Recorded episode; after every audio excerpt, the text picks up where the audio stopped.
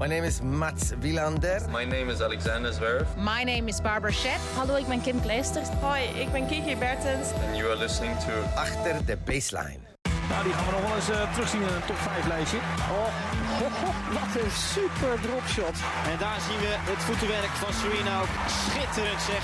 Dit is Achter de baseline vanuit Wimbledon met Abe Kuil en David Avakian. Zo, ik kom net thuis. En wie heb ik aan de lijn meteen? De heer David Avakian.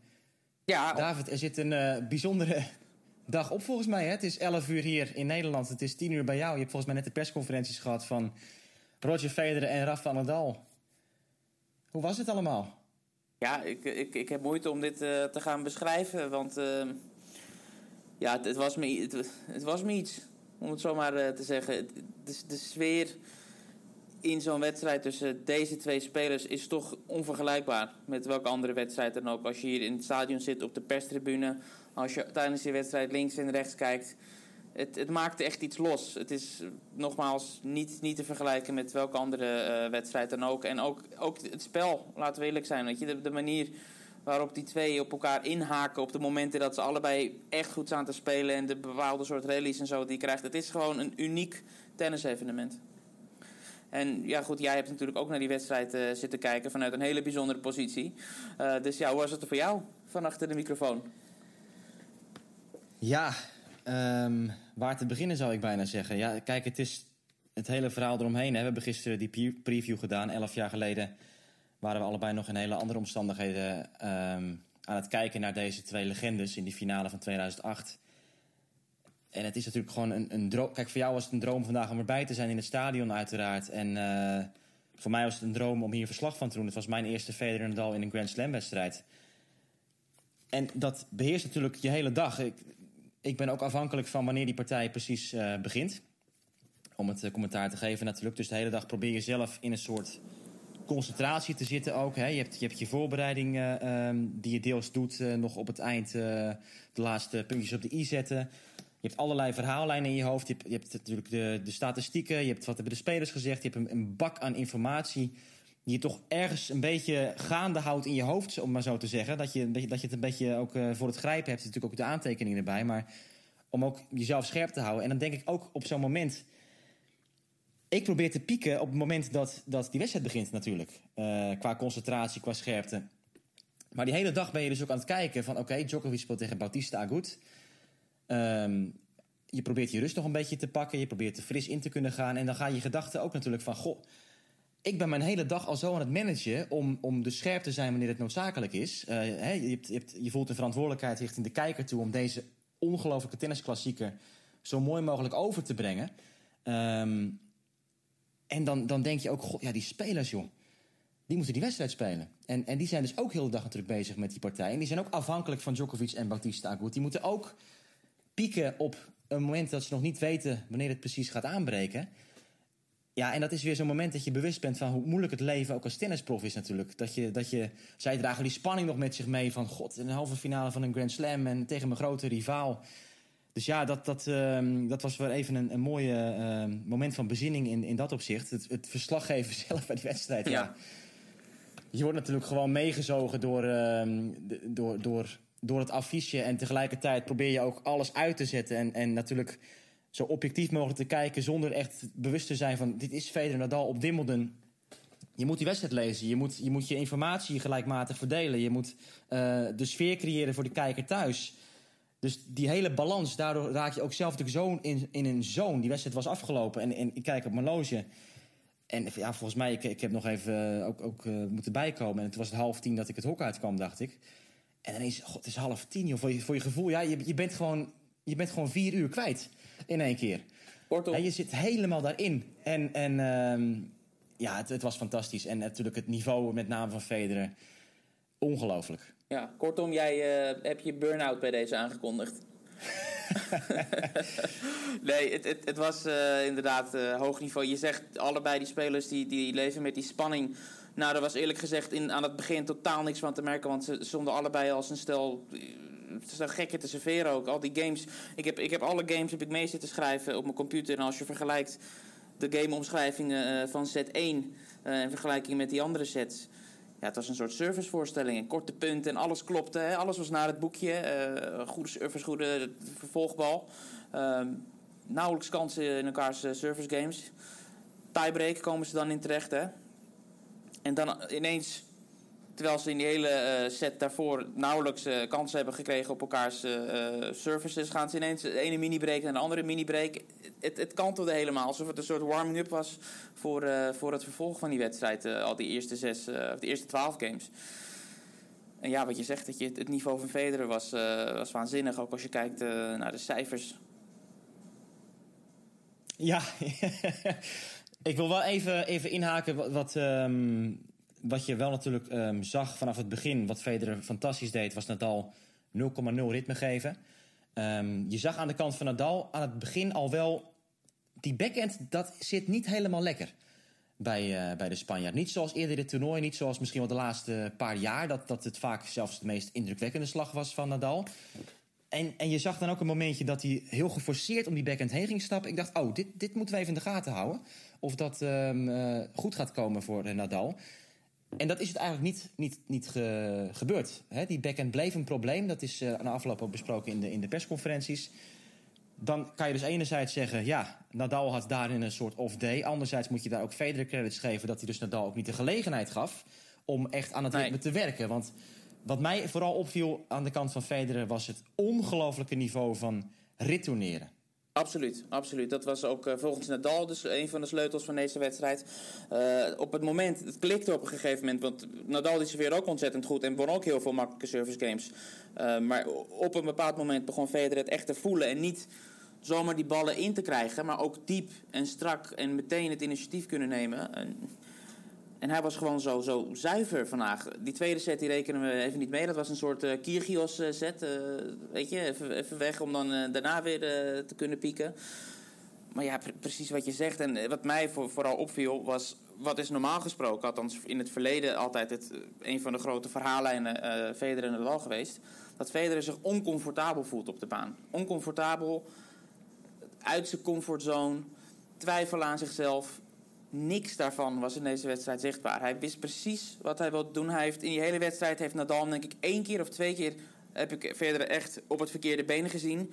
Hij stond waar hij wilde staan op de baan qua positie, op die baseline. We kunnen die, die lange rallies eruit lichten. Dat was helemaal uh, omgekeerde wereld. Een paar rallies van, uh, van, van 22 slagen, 22 plus, waar, waar, waar Federer dat gewoon steeds wint. En dat Nadal was die van die rally af wilde, leek het op een gegeven moment wel, in plaats van andersom. Weet je, dat soort, dat soort dingen, het was, het, het was niet, niet te geloven. En als ik dan die cijfers die ik eerder al aankondigde... Federer heeft meer baseline rallies gewonnen dan, dan Nadal. Wat is dit? Ja, en die momenten die jij zegt, dat was in de derde set... Um, het was niet te geloven. Je had, je had die rally van 21 slagen. Dat was toen de langste rally van de wedstrijd. Gewonnen door Federer. Ja. En we waren daar nog niet van bijgekomen. Of twee punten later een rally van 23 slagen. Ook gewonnen door Federer. En, en dat was natuurlijk compleet uh, de omgekeerde wereld. Nou, om terug te komen op wat jij daarvoor zei over de houding van, uh, van Federer. Dat hij in het verleden inderdaad hè, sneller zelf in paniek raakte dan Nadal. Nadal had toch bijna altijd de regie in de partijen die ze tegen elkaar uh, speelden. Zeker op de iets tragere baansoorten.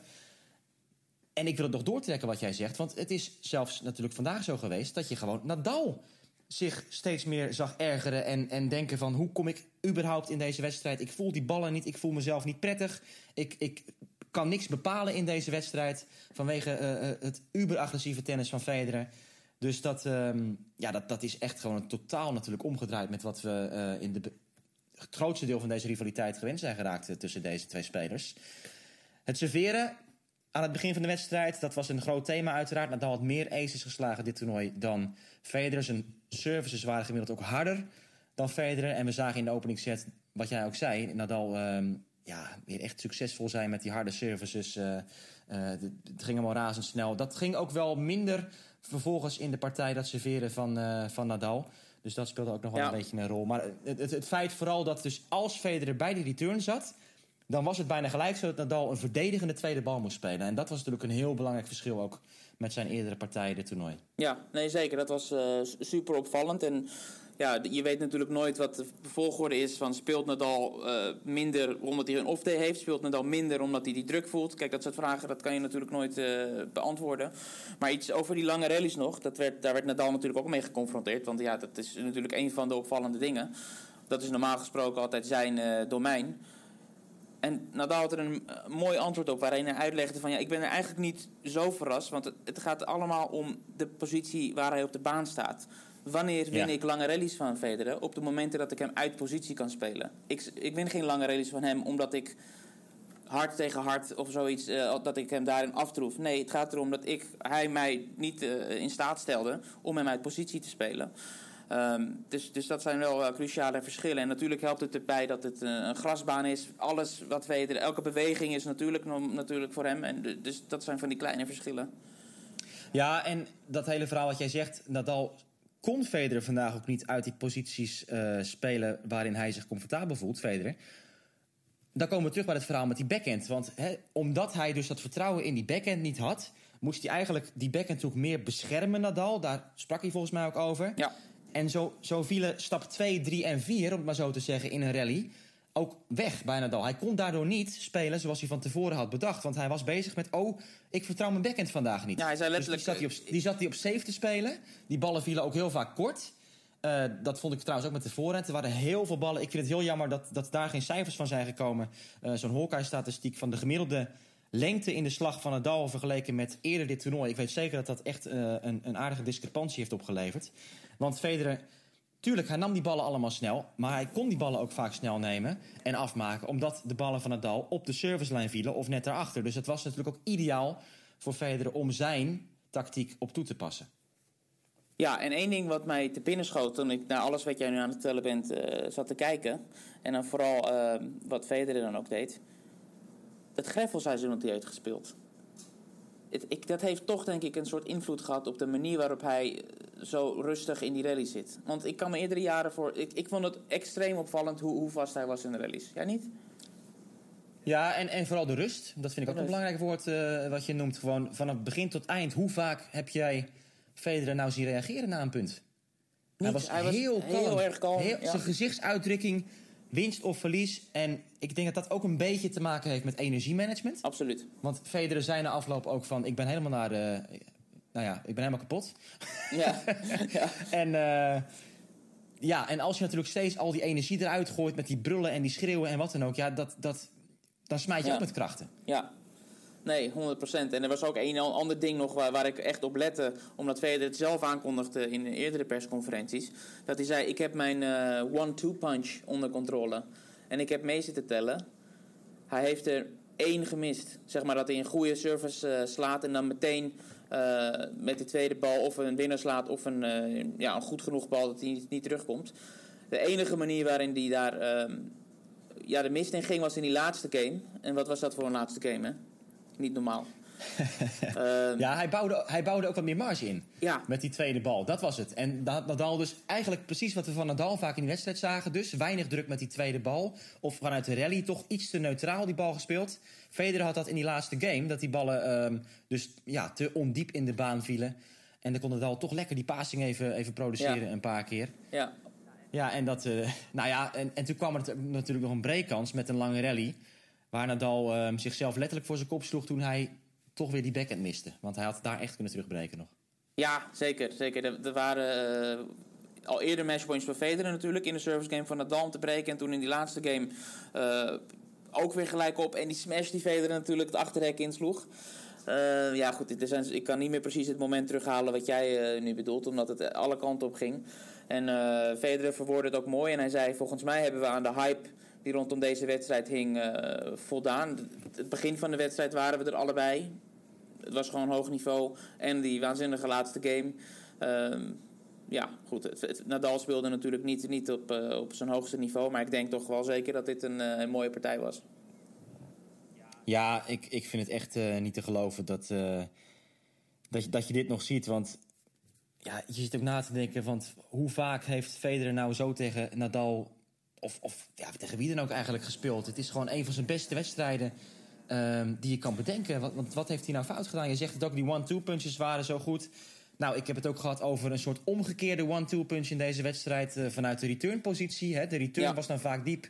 Nadal die verwerkt die tweede bal nog wel, maar bam, Federer komt er overheen met de winnende klap. Dus dat waren ook vaak twee klapspunten, Ja. zeg maar, waarin Federer dan het punt eh, binnenhaalde in de return. De service was in de eerste set eh, eh, zeker eh, fantastisch ook. Goed, ja, die tweede set, nou ja, daar liet hij het even lopen toen hij zelf een vroege breekkans, een paar breekkansen liet liggen. En verder, ja, er- er valt niks op aan te merken. In de laatste twee, in set 3 en set 4, heeft Federer bij elkaar vijf onnodige fouten geslagen, waarvan één dubbele fout. Dus vanaf de baseline heeft hij vier onnodige fouten gemaakt. Dat, is, zijn, dat is nog nooit gebeurd, denk ik, in zijn carrière. Dat hij zo zuiver speelt. De hele wedstrijd was het 51 winnaars tegen 27 eh, onnodige fouten. Ook Nadal was positief, maar niet zo'n groot verschil. 32 winnaars, 25 onnodige fouten. Ja, goed te kunnen. Hij heeft eh, vandaag letterlijk gedaan, zoals ze in het Engels zeggen, eh, eh, beat the odds. Hè, Federer. Hij was de underdog in deze wedstrijd. De boekmakers eh, hadden ook Nadal als favoriet. We wisten van tevoren, Federer zal goed moeten serveren. Hij zal direct moeten spelen. Alles zal in elkaar moeten klikken. En het werd zo'n dag. Ik moest ook een beetje nog denken aan die partij tegen Andy Murray een paar jaar geleden, eh, David. Dat hij ook echt, eh, zeker op Ja. eigen service toen, werkelijk een sublieme dag had. Ik ben even het jaar kwijt, maar dat was een halve finale... 15. eh, 2015, ja, 2015, oké. Ja. Dus, ehm, ja... ja, alleen Federer heeft natuurlijk wel één groot probleem. ja? Ja, Novak Djokovic. Daar gaan we het eh, morgen over hebben. Ehm nou ja, wat we er wel nog... Federer heeft nooit, nog nooit van Nadal en Djokovic eh, gewonnen in één toernooi. Dus dat, in één Grand Slam. Dus dat wordt ook nog een, eh, een bijzondere ja, prestatie als hij dat voor elkaar kan krijgen. Als Federer nu het toernooi wint, dat wil ik alvast wel zeggen... dan vind ik het zijn meest indrukwekkende Grand Slam titel uit zijn carrière. Als hij dat zou doen tegen Nadal en Djokovic achter elkaar op deze leeftijd. En ook met het tennisniveau Ja, dat hij, dat hij hier haalt. Maar goed, daarover meer morgen. Maar- Novak Djokovic, daar moeten we wel nou, ik, op ingaan. nog, nog heel eventjes, want het is iets wat, wat bij de voorbeschouwing op die finale misschien al eh, eh, ja, outdated is. Ehm, want we moeten wel even die vermoeidheid aankaarten. Want ik kan even beschrijven hoe Federer de persconferentiezaal binnenkwam. Hij was moe. Dat was eh, zichtbaar. En ook in, in de vraagstellingen en in de antwoorden. Toen werd gezegd van ja, wat, wat ga je nu doen? Hè? Je gaat nu trainen. Ga je de trainingsbaan op om eh, een sparringpartner zoeken die, eh, die een beetje zoals Djokovic speelt. Zeiden nou, ik heb nu geen enkele kracht over om, om wat dan ook te doen. Ik ga morgen gewoon even rustig een paar ballen slaan. En ja, dit is... Zoveel hoef ik ook weer niet te doen. Alles wordt al gedaan in de weken voor zo'n Grand Slam toernooi. Het is een topjaar voor mij geweest. Dus ik heb genoeg tennis in de benen. Maar ja, drie uur vandaag op de baan. Ik, ja, ik weet het niet. Het, het wordt een lastig karwei. Oké, nou ja, dat, eh, dat gaan we zien. Novak Djokovic, die verloor ook een set vandaag van Roberto Bautista Agut. Wat was dat voor wedstrijd, eh, David? Eh, het was een wedstrijd die lange tijd ja, best gelijk opging. Hè. De eerste twee sets werden verdeeld. En ook in die derde set aan het begin was het, ging het gelijk op. Maar ja, toen was er toch een moment waarop Djokovic af- afstand kon nemen. Maar zoals we al vaker hebben eh, aangekondigd... is Bautista Agut niet een, speler die echt eh, afscheid neemt... of uitcheckt, eh, als het ware, in de wedstrijd. Dus het bleef eigenlijk tot het einde wel eh, een, een wedstrijd. Maar tegelijkertijd 6-3, 6-2 in die derde en vierde set... Ja, dat is gewoon eh, halve finale, zo'n groot podium. Daar gaat Djokovic niet verliezen van Bautista Agut. Nee, dus dat is eigenlijk toch een vrij comfortabele middag eh, geweest in dat opzicht voor eh, Novak Djokovic. Ik weet niet, heb je zijn persconferentie nog eh, bezocht? Ook? Ja, Of, eh, eigenlijk eh, weinig interessants wat eruit uit te melden was. Ja, hij, had nog een mooi compliment bij Bautista Agut... waarin hij zei, ik vind het een van de meest onderschatte spelers... en hij verdient absoluut deze halve finale plaats. Ja, goed, er werd natuurlijk al een en ander gevraagd over Federer... maar dat is misschien beter om te bewaren voor eh, de voorbeschouwing op die wedstrijd... En verder ging het over allerlei onbenullige onderwerpen, zoals eh, zijn eh, dieet. Hè? Veganistisch, ja of nee. Hij wil niet graag zo genoemd worden, maar hij noemt wel dat het feit dat hij plantaardig eet hem helpt bij het herstellen. En dat hij geen last meer heeft van allergieën en dergelijke. Dus dat heeft er ook al enigszins mee te maken dat het hele perskorps natuurlijk bij Federer en Nadal op het moment dat Djokovic zijn persconferentie gaf. Hij was ook heel kort. Dus dat was een beetje eh, de reden van deze vreemde persconferentie. Oké. Ja, wat is er nog meer gebeurd vandaag? Nou, we hadden natuurlijk nog de kans ook, als we even eh, de oranje bril opzetten... dat er een finale zou komen met aan beide kanten van het net Nederlandse inbreng. Echter, eh, in die mixed dubbel halve finales ging het voor zowel Matwee Middelkoop mis met zijn Chinese partner Yang tegen Lindstedt en Ostapenko 7-5, 6-2. En Wesley Koolhof redde het niet met Kveta Peschke tegen Ivan Dodig en Chan. Dus dat is eh, de mixed dubbelspelfinale. En daarin dus geen Nederlanders, helaas. Nee, nee goed, dat eh, was natuurlijk een waanzinnig eh, iets geweest voor ons als Nederlanders. Maar het was tegelijkertijd wel natuurlijk een enorme verrassing geweest. Want niemand had ook dit al zien aankomen dat ze überhaupt zo ver zouden komen. Dus ehm, we, we zijn sowieso al verwend wat dat aan gaat. En we hebben beide spelers, zowel Wesley Koolhof als Matwee Middelkoop, ook gesproken. En al die interviews, vooral die van Matwee Middelkoop. Want het is een heel leuk uh, achtergrondverhaal hoe die mix tot stand is gekomen. Is te zien op eurosport.nl. Ehm, ik wil eigenlijk nog één dingetje uh, noemen over uh, Federer en Nadal, wat ik was vergeten. en ik ben wel benieuwd wat, je, wat, jij ervan vindt. Volgens mij hadden we het al even aangestipt um, over Nadal wat er gebeurde in Australië. Dat hij zo ontzettend ja. indrukwekkend staat te spelen. En dan, dan, dan komt hij. Uh, nou goed, in dit geval halve finale. Toen was het de finale. En toen dachten we Nadal Djokovic, het wordt uh, een vijfzetter. Iedereen die had al op een of andere reden afgesproken. Dit wordt een, een vijfzetter. Maar nu, toch nu ook weer. Wat, wat, wat zit daar toch achter, denk je? Dat Nadal dan zo indrukwekkend staat te spelen. Ja, had notabene een, een overwinning uh, voorspeld in vier sets. Waarom?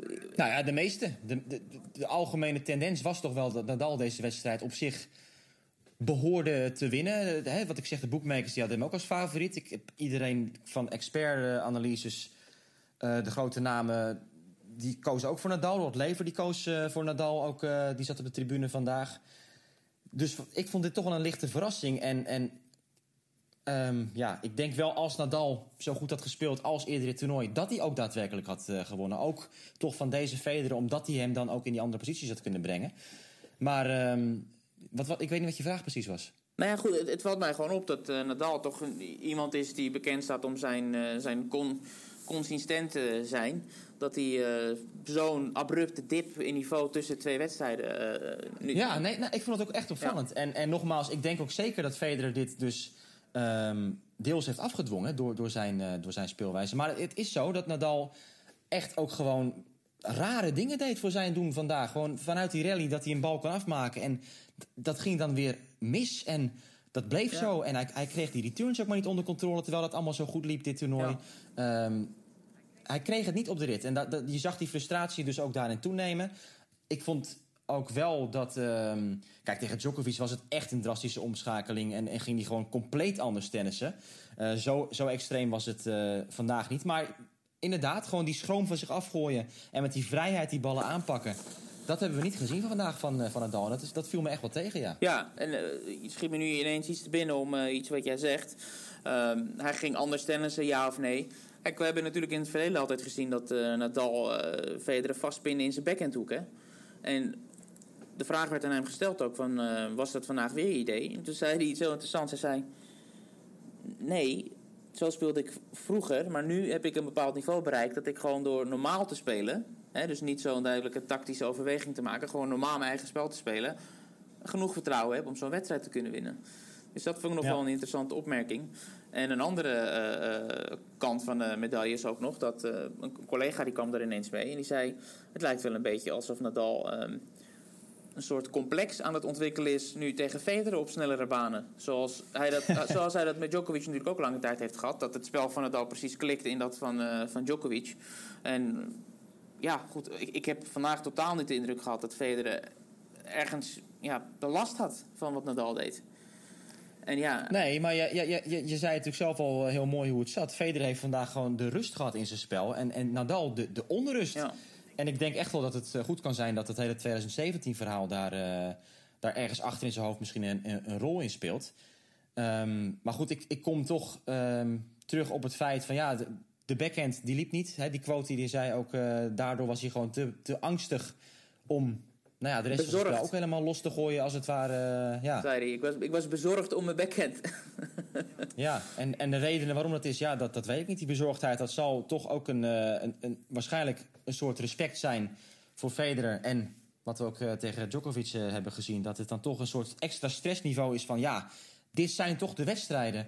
waarin dit nu moet gebeuren. We moeten toch even dat moment aanhalen ook van uh, de, de, de, situatie. 20 slams, Federer, 18 Nadal, 16, of, uh, 15 Djokovic, kans op 16 natuurlijk uh, voor komende zondag.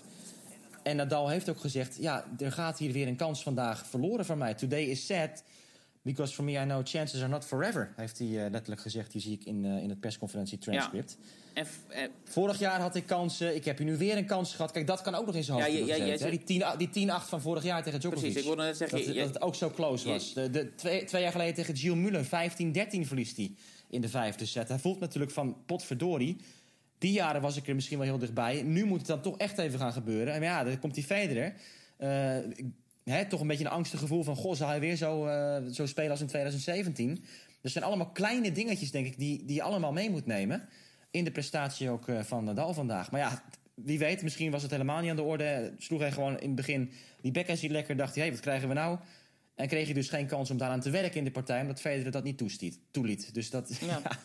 Nee. We, weten, we weten het gewoon niet zeker. Nee, klopt. Nee, wat je zei ook, want ik, op een gegeven moment dacht ik dat je even iets te snel over die wedstrijd, die halve finale van Nadal vorig jaar, als je even snel overheen zou stappen, die, die halve finale tegen Djokovic, waarover hij zei dat ik dus ook kans om weer een finale hier te bereiken. Ja, dat was natuurlijk ook een van de, de, de, de mooiste wedstrijden ooit hè, die we hebben gezien in de recente jaren. Kijk, maar, maar, maar, feit is, wedstrijden werken door. Federer heeft dat ook gezegd over die finale van 2008. Absoluut. Want uh, ik, ik, wil niet alleen Nadal in een soort uh, voorkeurspositie hier plaatsen... Van, hè, alsof hij er alleen maar last van heeft. Dat is natuurlijk onzin. Want als Nadal daar niet met 1-3-0 uh, die Roland Garros finale had gewonnen... dan was die finale ook anders gelopen uh, waarschijnlijk in 2008. Als um, Djokovic vorig jaar niet van Nadal wint die halve finale in, in, in Wimbledon... ja, wint hij dan ook de US Open en, en stoot hij dan weer door naar nummer 1... en wordt hij weer de, de, de echte leider van het mannentennis. Daar heeft Djokovic ook over gezegd. Het was zo belangrijk voor mij dat ik die partij won. Dat heeft me echt weer gelanceerd. Dus dat zijn van die zulke nuances die gewoon zo'n groot verschil maken in die hele dynamiek. En dat is natuurlijk ook zo prachtig aan, uh, aan de sport. Dat, dat gewoon een paar momenten zo'n grote impact kunnen hebben. Ja, je zegt, jij hebt nu allerlei redenen over uh, wat voor impact en zo. Uh, Federer die zei heel grappig in reactie op een journalist... Ja, jullie... Hij, hij sprak iedereen, de hele zaal een beetje toe van... Ja, jullie denken altijd dat wij van alles onder controle hebben. Uh, bij de meeste gevallen hebben we helemaal niks onder controle en vliegen ballen gewoon in. het is, het is, het is ja. in het algemeen gewoon een bepaalde intentie die je hebt om te spelen. Als je goede dingen gebeuren op de momenten dat je de juiste dingen probeert te doen voor jou. En slechte dingen gebeuren op het moment dat je twijfelt aan jezelf. En ik denk wel dat we kunnen concluderen dat Nadal uh, niet uh, met een heldere geest deze wedstrijd speelde. En we kunnen het ook een beetje omdraaien nog. Hè? Want als we die grote drie even als een groepje bij elkaar pakken. Um, zij hebben natuurlijk ook tegen de rest van het veld zo'n status opgebouwd. En, en zo'n zo'n bagage van een, een, nou ja, goed, een Federer tegen Nishikori. Ja, die heeft jarenlang uh, Nishikori verslagen. En dan moet hij weer tegen hem spelen, die Japanner. Ja, dat is natuurlijk zo'n mentale achterstand die je dan ook hebt. Um, Gilles Simon heeft daar pas ook een mooie uitspraak over gedaan, schiet Benees te binnen. Dat, dat je dat gewoon ja, het is, het is nauwelijks voor te stellen. Weet je, hij zegt, wij hebben jaar in, jaar uit meegemaakt... dat we tegen die gasten kwamen en kansloos werden gelaten. Ja, ga er dan nu maar eens tegen spelen. Met het volledige vertrouwen van, ik ga ze nu opvreten. Ja, dat, zo werkt het gewoon niet. Nee. Nee, ja, of je moet een machine zijn of een robot, maar dat, dat, zo is het natuurlijk niet. Uh, ik herinner me wel altijd uh, een van de mooie uitspraken van Pete Sampras in het verleden. Die altijd zei, een goede tennisser moet een slecht geheugen hebben. Uh, dus ja, maar het, is niet te doen. Misschien voor Pistol Pete wel, want hij is natuurlijk zelf uh, een beetje een robot ook. De manier waarop hij speelde. Uh, maar ja, dat, dat, klopt. Ze zijn uh, oppermachtig ten opzichte van alles, alle spelers die, die onder hun staan. David, morgen dan wordt de finale bij de vrouwen gespeeld. En dat is natuurlijk ja, ook weer echt een mooie partij op voorhand. Het is moeilijk om daar ineens ehm, de switch naar te maken nu na deze bijzondere dag. Maar Serena Williams die gaat voor um, toch weer historie. Het evenaren van de 24 Grand Slam titels van Margaret Court. En zij treft Simona Halep. En ik zei het ook nog aan het eind van de uitzending. We hebben dus gewoon Roger Federer en Serena Williams anno 2019 in de Wimbledon finales. Ja, het is uh, ongewoon, ongebruikelijk. Was het woord dat Federer zelf gebruikte toen hij naar die vergelijking gevraagd werd. Van hoe, hoe, hoe is het nou? En Federer zei met Serena is het, is het nog gekker, want zij was nog veel eerder dan ik uh, al, al, aanwezig. Want zij brak op jongere leeftijd door. Uh, Serena won haar eerste Grand Slam titel in 99, hè? Zeg ik dat goed? Goh. 20 jaar geleden won ze haar eerste Grand Slam titel, meen ik, eh, op de eh, Ja, US wel, ja. Open. US Nog voordat haar zus Venus, een, eh, een, een, haar oudere zus Venus, een, een Grand Slam toernooi won. Ja, het is. eh, Kijk, eh, die carrière van Serena, er is natuurlijk. Enerzijds kan je vraagtekens zetten bij het feit: is, eh, is zij de grootste speelster aller tijden? Omdat ze natuurlijk zoveel tijd eh, vrij heeft genomen ook. En nooit volledige seizoenen heeft gedraaid. Zoals eh, bijvoorbeeld nou, Navratilova en Everett en dat soort speelsters. Maar ja, het, gewoon het feit dat zij zoveel jaren verwijderd van elkaar. zulke prestaties kan neerzetten, is, is uniek. Ja, wat moet je er nog over zeggen? Het is... eh, Nou goed, wat ik zeg, dat is wel een cruciaal punt natuurlijk. Want als je die vergelijking maakt tussen Serena Williams en die andere die ik noemde, eh Navratilova en Everett. Die laatste twee, die hebben tot bijna twee keer zoveel toernooizeges geboekt dan Serena bijvoorbeeld. Hè? Want die hebben gewoon altijd volle seizoenen gedraaid. Dus het is bijna een soort valspelen wat Serena doet. En ehm, ja, dat, dat, dat, dat valspelen, dat levert haar wel zo'n lange carrière op.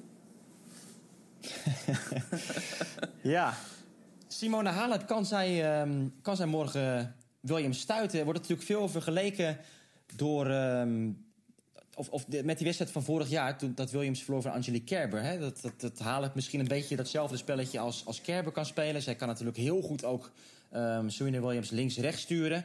Dat voetenwerk testen. Maar eh, het is wel een andere Williams natuurlijk nu vergeleken met vorig jaar. Toen ze echt nog net weer terug was gekomen van, eh, van, van de bevalling. Toen ze nog lang niet zo fit was als nu.